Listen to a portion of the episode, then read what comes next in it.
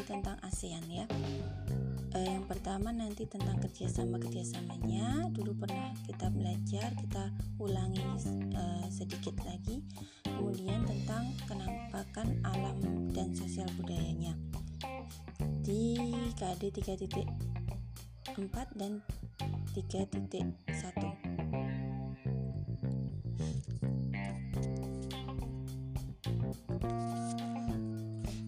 kita ulangi dari sejarah terbentuknya ASEAN.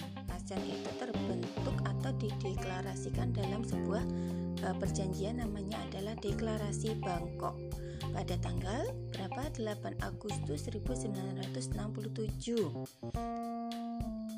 karena disebut deklarasi, deklarasi Bangkok, maka uh, perjanjian ini atau terbentuknya ASEAN ini uh, dibentuk di negara Thailand yaitu tepatnya di kota Bangkok.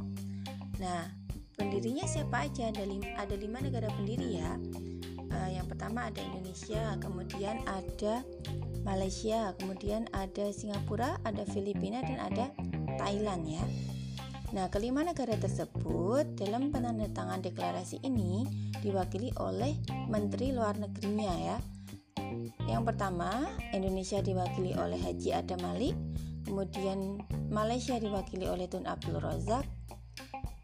Filipina siapa? Narcisco Ramos. Kemudian Thailand Tanat Khoman Singapura S. Raja Ratnam nah harus diingat-ingat siapa pemrakarsa tadi lima pendiri tadi. Nah diawali oleh lima pendiri. Pada akhirnya ASEAN itu keanggotaannya ada 10 anggota ASEAN ya Nah, apa saja sih yang melatar belakangi berdirinya ASEAN? Yang pertama, karena negara-negara ASEAN atau di Asia Tenggara ini sama-sama pernah dijajah oleh bangsa asing kecuali ada satu negara yang tidak pernah dijajah yaitu negara Thailand. Kemudian negara-negara di Asia Tenggara sama-sama masih keturunan satu nenek moyang atau dalam satu rumpun yaitu rumpun Melayu.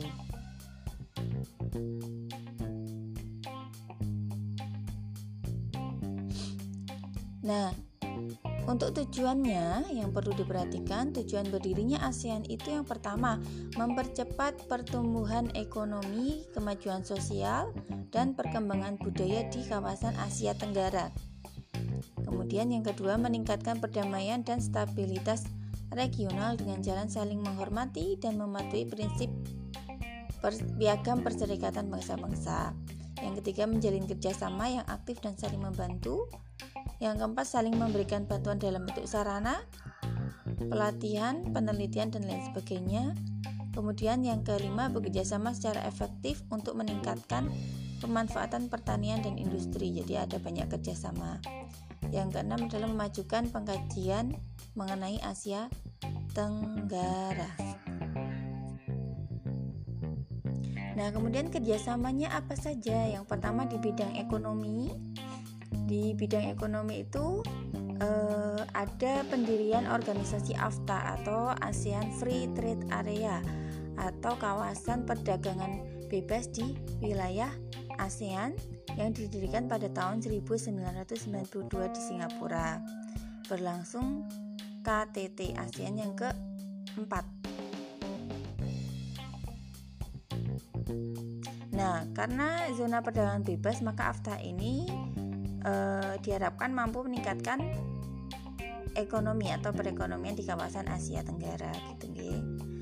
Kemudian yang kedua melakukan perdagangan bilateral dengan negara lain ya. Yang ketiga, pelaku kegiatan ekspor impor dan yang keempat menyelenggarakan pertemuan menteri bidang ekonomi itu bentuk kerjasama di bidang ekonomi. Nah, kemudian lanjut kerjasama di bidang politik bidang politik ya. Jadi yang pertama ada ada pengiriman duta dan konsulat. Jadi untuk menjalin hubungan kerjasama secara internasional ya. Di tiap-tiap negara itu punya duta dan konsul masing-masing. Kemudian yang kedua ada perjanjian ekstradisi ASEAN itu perjanjian di bidang politik yang menangani tersangka kejahatan yang melarikan diri di kawasan negara-negara ASEAN. Jadi nanti ada sebuah kerjasama jika ada penjahat yang melarikan diri di kawasan ASEAN bisa bisa saling membantu. Yang ketiga ada Defense Minister Meeting yaitu pertemuan rutin di antara para menteri keamanan yang ada di ASEAN. Yang keempat, perjanjian kawasan damai, bebas, dan netral.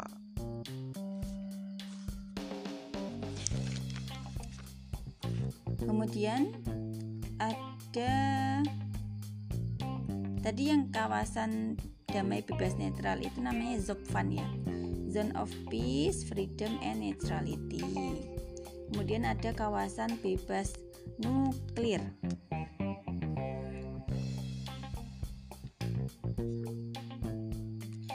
Kemudian keikutan keikut sertaan Indonesia dalam masalah apa bidang politik itu yaitu menyelesaikan menyelesaikan konflik di regional ASEAN.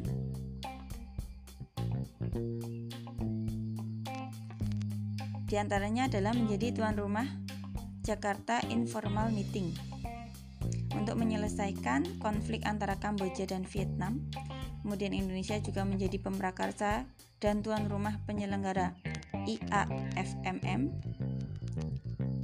pertemuan para menteri luar negeri di ASEAN yang diselenggarakan di Jakarta untuk menyelesaikan konflik antara Thailand dan Kamboja kemudian mengirim pasukan perdamaian yaitu pasukan Garuda 4 dan 5 untuk menyelesaikan konflik perang saudara di Vietnam. Kemudian mengupayakan perdamaian antara pemerintah Filipina dan gerakan pembebasan Muslim Moro di Filipina sebagai bentuk penegakan hak kebebasan beragama dan hidup berdampingan dalam perbedaan. Kemudian yang kelima mendorong Myanmar untuk lebih menghargai HAM hak asasi manusia antara etnis yang ada di negara terkait kasus kemanusiaan etnis Rohingya gitu ya di Myanmar. Oke, kita lanjut di kerjasama dalam bidang budaya. Sosial budaya namanya ASCC, anak-anak ASEAN Sociocultural Community.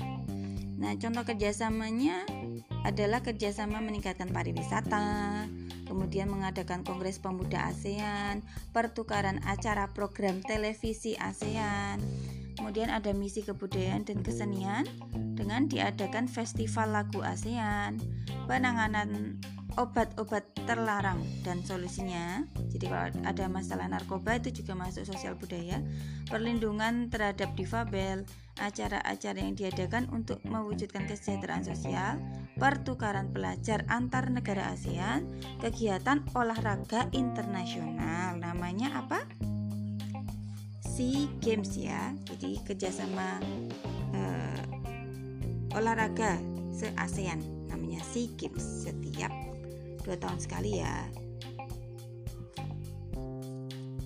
Oke itu tadi uh, bentuk kerjasama dalam beberapa bidang sekarang kita lanjut ke kenampakan atau karakteristik dari negara-negara di ASEAN kita mulai dari negara Singapura Nah, negara Singapura ini adalah negara yang kecil ya. Negara yang kecil di ASEAN. Di luasnya itu tidak lebih besar dari kota Jakarta. Ibu kota ibu kota dari negara Singapura adalah Singapura. Kemudian etnis atau sukunya adalah Tionghoa itu terbesar, ada Melayu, ada India. Bahasanya bahasa Melayu, Tiongkok, Inggris agamanya agama Tao terbesar. Kemudian lagu kebangsaan majulah Singapura, pemerintahannya bentuknya republik, kepala negaranya presiden, kepala pemerintahnya perdana menteri, mata uangnya dolar Singapura. Nah, yang Singapura ini juga memiliki pulau-pulau. Nah, pulau terbesarnya adalah namanya Pulau Singapura. Kemudian ada 63 pulau-pulau terkecil lainnya. Di antaranya ada Pulau Tekong, Pulau Ubin, dan Pulau Sentosa, tapi yang paling besar adalah Pulau Singapura. Kemudian di sana kebanyakan adalah dataran rendah dengan lokasi tertingginya berada di Bukit Timah gitu ya. Cagar alam terkenalnya adalah Bukit Timah Nature Reserve ada pula taman botani yang terkenal namanya Singapore Botanic Garden. Nah, kemudian kita ke Thailand. Thailand itu negara yang beriklim tropis. Ada dataran rendah, ada pegunungan, ada pegunungan kapur, dan ada tanah genting kera.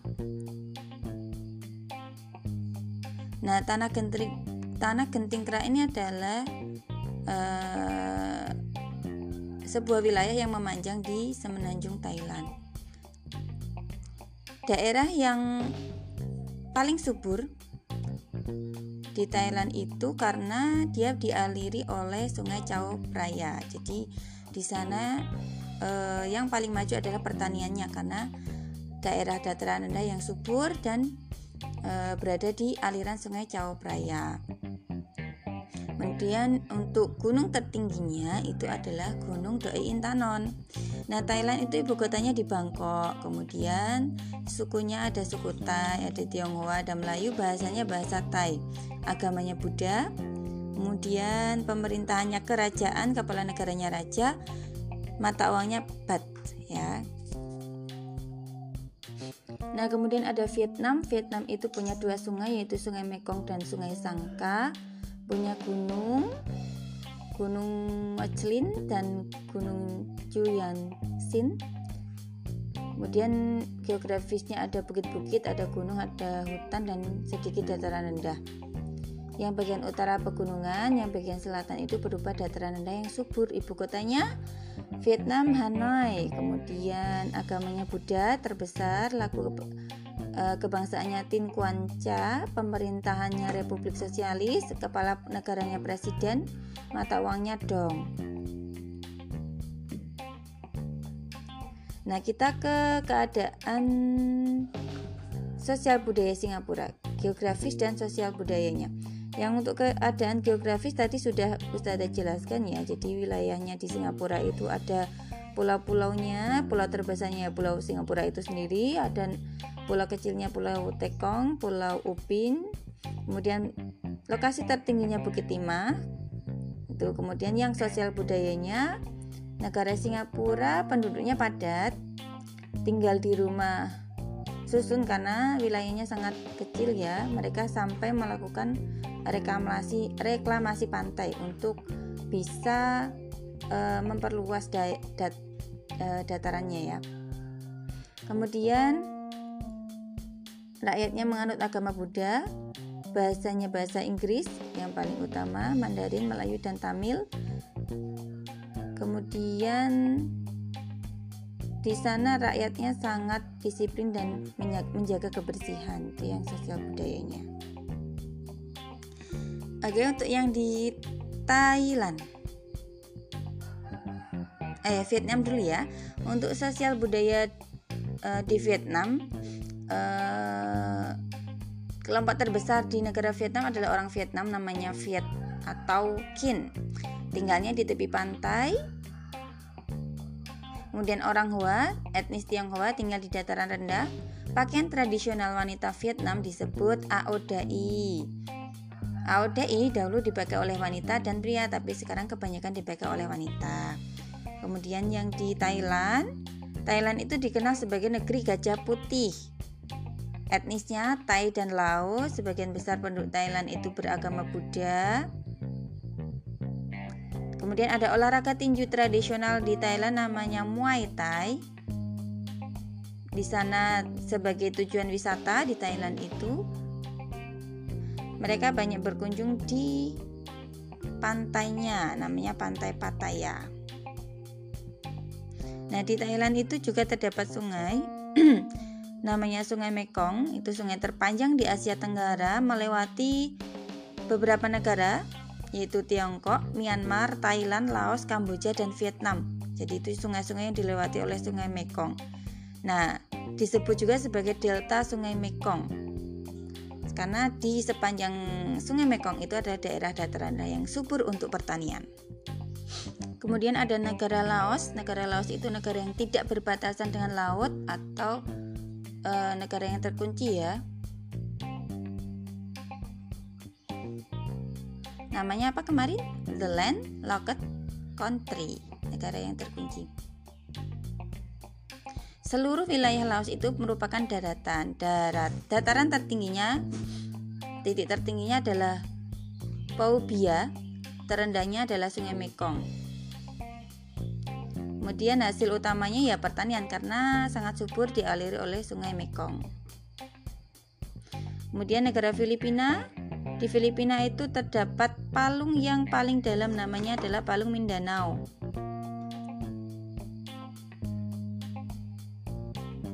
Hasil utamanya yaitu di bidang pertanian karena wilayahnya yang sangat subur.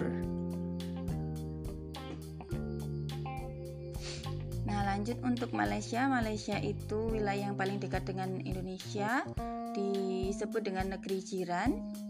Kemudian kenampakan alamnya ada Gunung Kinabalu yang terletak di Sabah.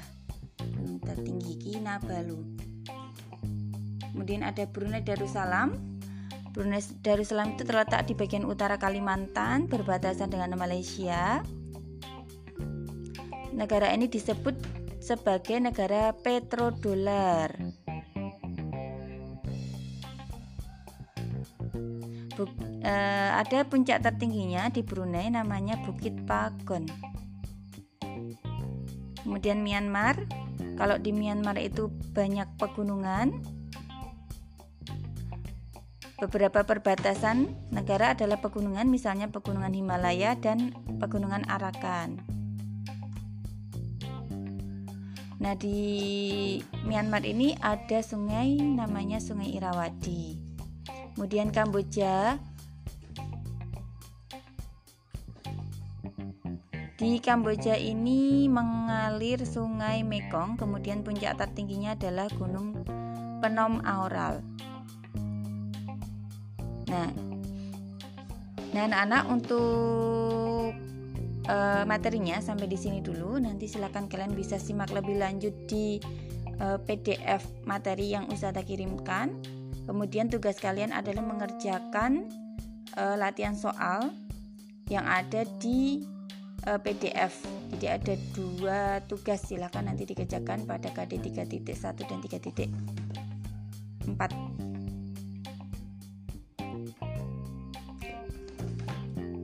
Oke, Ustazah akhiri ya. Sampai di sini dulu. Wassalamualaikum warahmatullahi wabarakatuh.